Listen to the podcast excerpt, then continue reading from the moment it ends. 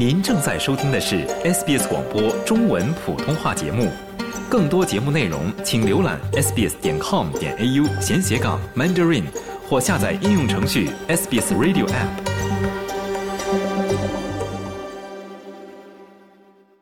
今天呢，我们的故事啊是要为大家带来一期新年的特别版啊。在今天的节目中呢，我们是将带大家一起来回顾一下我们的故事栏目呢，在过去一年中啊采访到的在澳华人们的精彩故事选段。那在过去的一年中呢，我们的故事栏目啊是采访了几十位在澳华人啊，分享了他们独一无二的人生故事。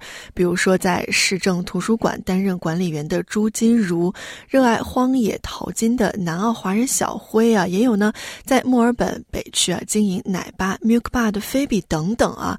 那二零二四年伊始呢，我们也一起来回顾一下他们的故事。那首先呢，我们来回顾一下图书管理员朱金如的故事啊。那朱金如呢，是悉尼 Canterbury Bankstown 市政图书馆的管理员，曾经呢在中国当过图书管理员的他呢，来到澳洲学习不久之后呢，也是幸运的在这里的图书馆找到。了工作。那图书管理员的工作看起来也许不那么复杂啊，但其实呢也是需要应对各种突发的状况。朱金如呢是凭着一股爱学习和不怕挑战的韧劲儿呢，从最基础的职位做到了管理层。他说啊，自己作为华人在图书馆工作其实并不占优势，自己呢是拿着短板啊在找工作。他还说自己能够一路成长，要感谢同事的支持和领导的信任。那接下来。那就让我们一起来听一听朱金如刚刚开始工作时候的经历。刚开始呢，还是那句话，英语是硬伤啊，就是我们拿着我们的短板在做自己的工作。我刚开始的时候是在前台工作，当时接电话呢就是一个很大的挑战。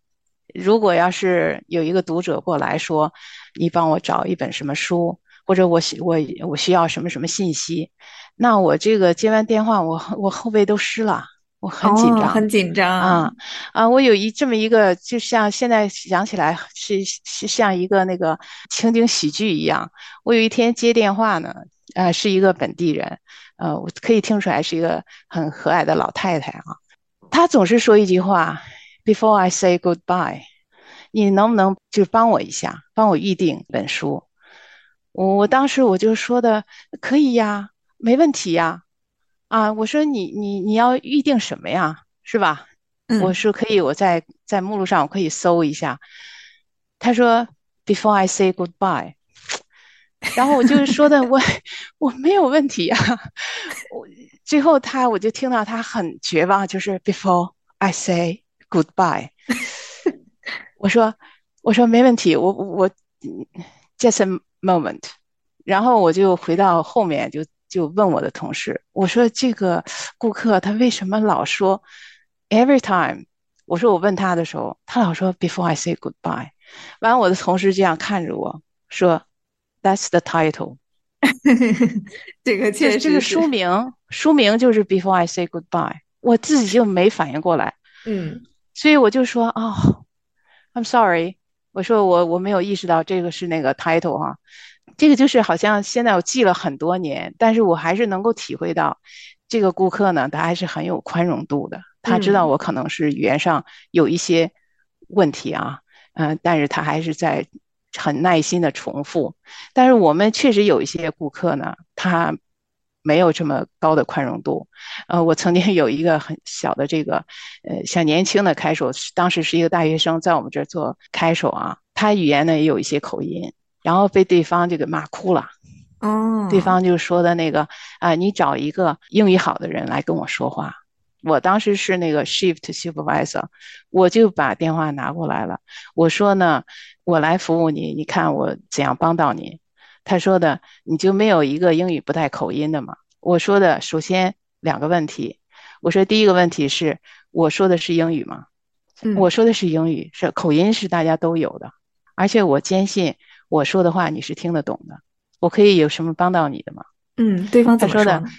对方说我我需要一个没有口音的。我说那个那很不幸，今天没有没有口音的人，那你明天打过来吧。这个我们英语是第二语言的人，他是对你的自信是一种打击的。是有打击的。有的人他是故意这样做的，所以我们在工作当中呢，也呃不断的要提醒自己，要要相信自己。然后对方要是说无理的要求呢，我们还是要坚定。你的要求不是那么合理的话，那我们也可以跟他说，我们提供不到。所以我我也是跟我的员工说，你可以说 no，如果有问题的话，我来处理。嗯，因为我自己经历过这些阶段，所以我我想给我的这个呃员工呢最大的这种在心理上的支持，不要害怕。图书馆是一个公共场所嘛，就是我们的顾客可可以说是五花八门吧。嗯，那么我们曾经有过一个例子，就是说一个女士，她可能是有心理疾病的。嗯，然后她过来读呃借书的时候是有两个 Carol 跟她一起来的。这个女士呢，她就是很壮，二十七八岁吧，但是呢，他又不能很好的理解这个整个图书馆借阅的这个过程，嗯，所以呢，在这个借阅过程中呢，就跟他的 Carol 呢就发起了争执，争执之后呢，他也是有暴力行为的，所以他的 Carol 呢有两个人都不是很壮，两个女士，嗯，结果他就是没有控制住，把一个 Carol 鼻子都打出血了。嗯然后呢，另外一个 Carol 把手呢，把人家手给咬破了。就我们的这个一个管员呢，就就出去了，就没有意识到这个严重性，就跟他说：“请你停止这种呃行为。”然后呢，他就一下子把我们这个管员一拳就给撂到地上了。哇！所以我当时呢是呃准备走了，因为我到这个分馆呢是去跟这个领导呃有个短的 meeting。我都准备拿包走了，嗯，我听见外面就喊起来，尖叫起来了，所以我就跑出去了。跑出去以后，包都没有放好，就直接把这个女的就从后面抱住了。当时有其他的人吗？就是图书馆里面借阅书啊或者学习的人？有的，但是这种情况下，我们工作人员是是要处理的。嗯，我们不能把民众就是弄到这种任何的风险当中啊。然后我的同事呢，有一个就呃。抓住了他的一只手，然后我就赶紧跟另外一个说赶紧报警。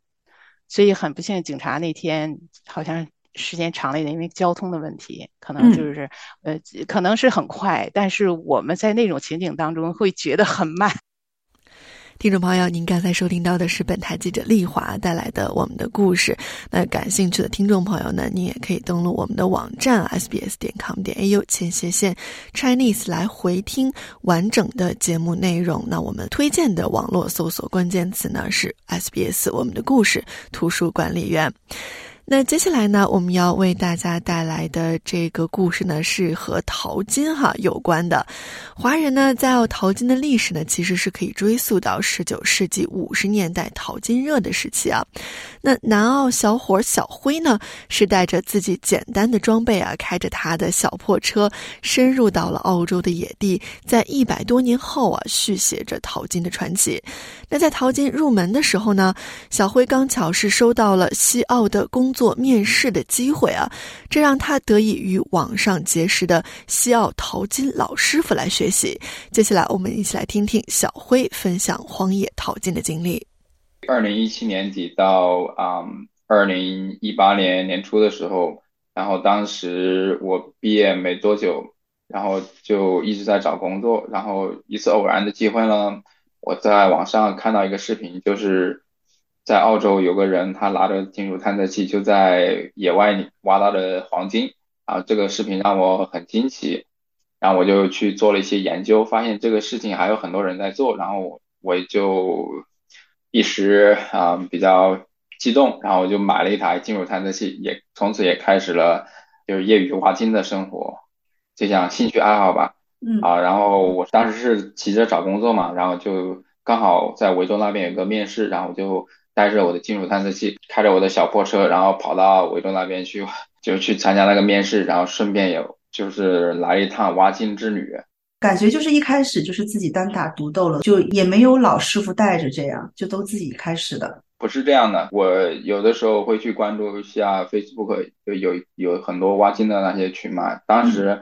二零一八年的时候，有时还组织群活动，然后有一次刚好我去参加面试的那几那一段时间，有个群聚会，啊，都是一些维州的啊大爷大大妈们，然后他们就是到维州那个金三角地区，然后在那儿 camping，然后晚上就聊聊天啊，然后就分享一下挖金的心得，然后我也去参加了。嗯当时我的我的装备可以说是最简陋的，嗯 然后别人都是开的越野车，然后我又开了一辆小马自达二。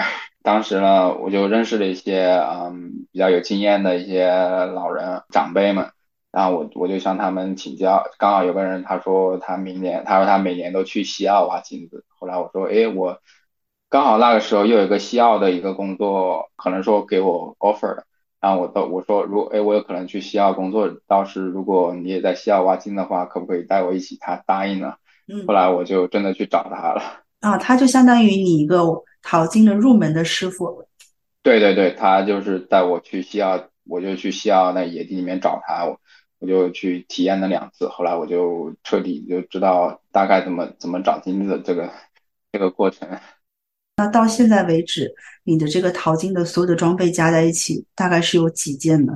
我的挖金的设备的话，就主要是嗯，就是金属探测器，还有那个铁镐，嗯还有还有一个塑料铲，就基本上这个这三样就是最基本的三样。你只要不去太远的地方，就是如果你去偏很偏的地方，你还需要一些急救的设备啊，这些哦就是看你看你去哪里，就像像墨尔本啊周边啦，或者阿德周边啦这种地方，我就带个金属探测器，带个铁镐，还带个小铲子、塑料铲，然后就可以开始工作了。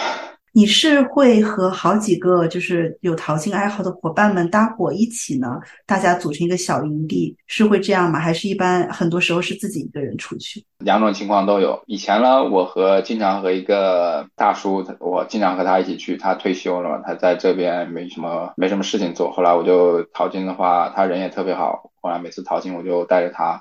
他后来搬到那个吉隆那边去了，然后每次淘金我就先，我经常去维州，之前我经常放假，我经常来维州淘金。后来每次淘金我就跑到吉隆那边去找到他，嗯然后带再让他一起去挖金子。嗯那有的时候呢，我也会去，比方说上次我去了一个那个新州那边，嗯然后我是一个人去的。我做了一些研究以后，因为有的时候时间很难凑，然后大家不太适合就是叫一大群人去，这个不太现实，因为每个人都有自己的事情，然后每个人的想法都不一样，然后一大群人的话，你很难组织到一起，就是你要花大量时间去在探寻啊，去寻找上面寻找金子上面。你叫一大群人的话，比方说。嗯，你早上他想他想多睡一会儿，然后另外一个人啊他想去别的地方玩儿，然后这样的话时间是很难很难凑在啊、就是很难协调，然后嗯你也这样的话你就会很影响这个结果。然后我是比较注重挖金子的结果的，所以我就一个人去了，我就想先去探测探测一下。所以挖金的话，其实还相相对来说是一个比较适合单打独斗的这么一个活动。呃，其实最好是有个伴儿一起，因为有的时候还是挺危险的。一个嗯人，比方说你掉到矿井里面去了，或者你失联了，这样这种情况下，如果有个小伙伴知道的话，就比较好嘛。嗯，那你的这个淘金的这些同好们，就是队友们，里面有华人朋友吗？对，就是之前我经常带的那个大叔，他就是个啊，个啊华人，我们华人的淘金爱好者多吗？很少很少，就是跟 local 比起来还是太少了，因为大家首先都不太知道这个东西事情，然后第二个呢，可能大家一听说这个金属探测器就很贵嘛，一一嗯台可能要至少五六千澳币吧，然后你一听说这个价格，他们可能就望而却步了。嗯而且他们可能一想，这个东西就是我得在野地里面待，一直挖挖挖挖很久才能把这个成本赚回来。他们一考虑到这个，可能就就不会去做这个事情了。听众朋友，您刚才收听到的是本台记者陈龙带来的我们的故事啊，采访的是一位淘金爱好者小辉啊。听起来淘金也是一件非常辛苦的事情啊，那可能更多的是爱好啊，在促使小辉去从事淘金这样一个呃业余的兴趣吧。呃，如果听众朋友感兴趣的话，您还是可以登录我们的网站 sbs 点 com 点 au 且斜线 Chinese 来回听本期的节目。那我们推荐的搜索关键词呢是 SBS 我们的故事荒野旅行家小辉。接下来呢，我们是要为大家分享在墨尔本经营奶吧的菲比和丈夫的故事啊。菲比呢是在墨尔本北区和丈夫安迪呢一起经营着一家 Milk Bar，我们可以说它是奶吧或者是便利店啊。她一九九九年从中国来澳洲留学，读的是工商管理的专业，毕业之后投的简历也大都是石沉大海。他听朋友说呢，在澳洲啊，这个专业很难找到工作，于是呢，他决定自己创业。摸索了一段时间之后呢，菲比发现啊，奶吧正好适合他的情况。那二零二三年呢，也是菲比和丈夫两人经营奶吧的第十五年。菲比说呢，经营奶吧的时候啊，关门休息并不是一个选项。接下来我们一起来听听菲比的分享。关门休息对我们来说，这从来都不是一个选项，就是没得选的。你做奶爸就要有这样的思想准备，你是为社区服务的，所以不能够只是考虑自己是不是需要休息。自己需要休息的话，你他可能就是要轮流休息。今天你看店，让我去啊睡个懒觉或者干嘛的，嗯明天的换你，就是这样可以，但是你不可以关店。那平时会不会遇到一些突发的情况呀？比方带爸爸妈妈去看医生了，然后你知道，就是看医生这个等待的时间，有的时候真的是你没有办法控制的，有的时候不能及时回来。我老公要去那边要接孩子了，学校放学要去接孩子了，然后这个中间可能有一个小时干嘛的，我们就真的就只能关门，贴一个条子在外面，我们一个小时以后回来，或者是怎么样，就是这种突发状况经常都会有发生的。我看之前 你在社交媒体发的，还有一次好像睡过头了，然后都惊动 邻居们了，是吧？是的，是的。其实那个时候是呃，应该按照正常情况下是由一个员工，我们那时候有雇佣员工，那么由员工来呃工作的。然后那天其实他是请假的，可是让我们给忘了，睡懒觉都没有起床，然后就接到邻居打来的电话说。特别的这个关心，就是说你们没事吧？都很担心的那种口气，然后我们都很奇怪，为什么会突然问我们这个问题？然后客人说，呃，为什么你们到现在都没有开门呢？然后我们才突然想起来，天呐，今天应该是我们自己开门的，然后给忘了，赶紧起床，然后去回到店里去开店。客人看到我们来开店了以后，都蜂拥而至，都跑来问你们：你们没事吧？你们呃有什么事情啊？这你们大家都都都好吧？没什么事吧？一个多钟头以后，连警察都过来了。警察就说说有客人那个时候呃打电话报警了，说是这个他们从来没有过这个不开门的这种情况的，每天都是开门的。所以今天他们没有开门，我可能有什么突发的状况，有什么有什么问题，他们很担心，所以他们报警，连警察就过来查。查看来询问我们是不是有问题，才知道啊，没事，只是我们睡过头了。可能也因为我们在这时间比较长了哈，这个跟大家就不仅仅是客人和这个呃，就是我们生意业主的这种关系了，真的就是我们就是社区的一份子。我们不仅是就是他们是我们的客人，我们也是邻居。因为每天早上这个奶爸的报纸是由这个呃公司专门会派人送过来的，然后他们就放在我们门口，然后我们开店的时候呢，把报纸拿进店里去。然后因为那天没有开店，这一大朵的报纸呢就在门口放着。然后等我们呃来的时候呢，发现呢这个报纸整个就没有了。那个报纸是非常重的，一大朵那个报纸啊，非常非常重。我平时我都拿不动，都是我老公去搬报纸。然后那天一看门口的报纸都没了，我我老公想这是被人偷掉了。我说这报小偷也真的太黑心了，你你要你要拿报纸，你你你偷个一份都够了，回去看就行了。你把我那一大朵报纸都给抱走，因为这个真的就不是钱的问题了。我们有很多很多那个老客人，年纪大的客人哈，就。他们每天买报纸，他们不会，他们不习惯于在网上阅读报纸，他们都是要来，就是真的这种纸质的报纸，这是他们多少年的习惯。说每天来买一份报纸，回家看报纸，对他们来说是很重要的一项内容。所以，如果把报纸全部被偷了，他们买不到报纸，会很失望的，你知道吗？所以我老公那时候在心里都在骂着：“这小偷真是的，你你你偷个一份就算了，一份两份，你怎么把一大朵报纸都给偷走了？”然后后来才发现，原来是我们邻居的一个一个大婶，真的，我都我都想。想不出来，他当时是怎么样把这个报纸给抱回家的？他就是看到我们的报纸被人动过了，就上面有这个被抽掉一两份的这种痕迹，他就他就怕我们没开门，然后这报纸被别人都偷走了，他就硬是把那一大朵报纸帮我抱回家了。然后我们回去后来呃查看监控，才发现是他帮我们拿回家了，然后看我们开店又给我们弄回来，哎呀，真的非常感动。而且后来还有客人来来付钱，说是。他早上来想来买报纸，然后看见我没开门，然后呢，他们就自己他就拿了一份报纸，然后现在我我回来付钱，就其实报纸没有丢，呃，就是就被客人拿了，然后还特意回来来来付钱，所以真的特别的特别温暖，这些事情就是想象不到的，如果不是自己经历过，根本都是想象不到会会发生这样的情况。我听你这样说，感觉我自己好像脑子里面都在像过电影一样的这种画面。觉得特别温馨哈。听众朋友，以上呢是本台记者丽华带来的我们的故事啊，确实真的是非常有画面感啊，也是有很多感人的温馨的故事。那感兴趣的听众朋友呢，你也可以登录我们的网站 sbs 点 com 点 au 前斜线 Chinese，或者呢是下载我们的 SBS Audio 应用程序来收听完整的节目啊。那我们推荐的网络搜索关键词呢是 SBS 我们的故事奶巴里的故事啊。那听众朋友，接下来呢，我们要为您带来的是另外一位主人公的故事啊，他的名字呢叫黄卫 Vivi。Vivi 呢是曾在法国学习高定设计，那机缘巧合呢是来到了澳大利亚之后呢，他抱着让高定走进更多平常人生活的目标呢，是开始教授法绣和造花的课程。那在授课的过程中，什么让 Vivi 的印象最为深刻呢？我们一起来听一听。其实来的人他是呃各类都有，就比如说也有呃先生给自己的太太做那个呃周年的礼礼物，对对对，然后呢就会来做那个造花和刺绣结合的那个花环，因为它放在家里。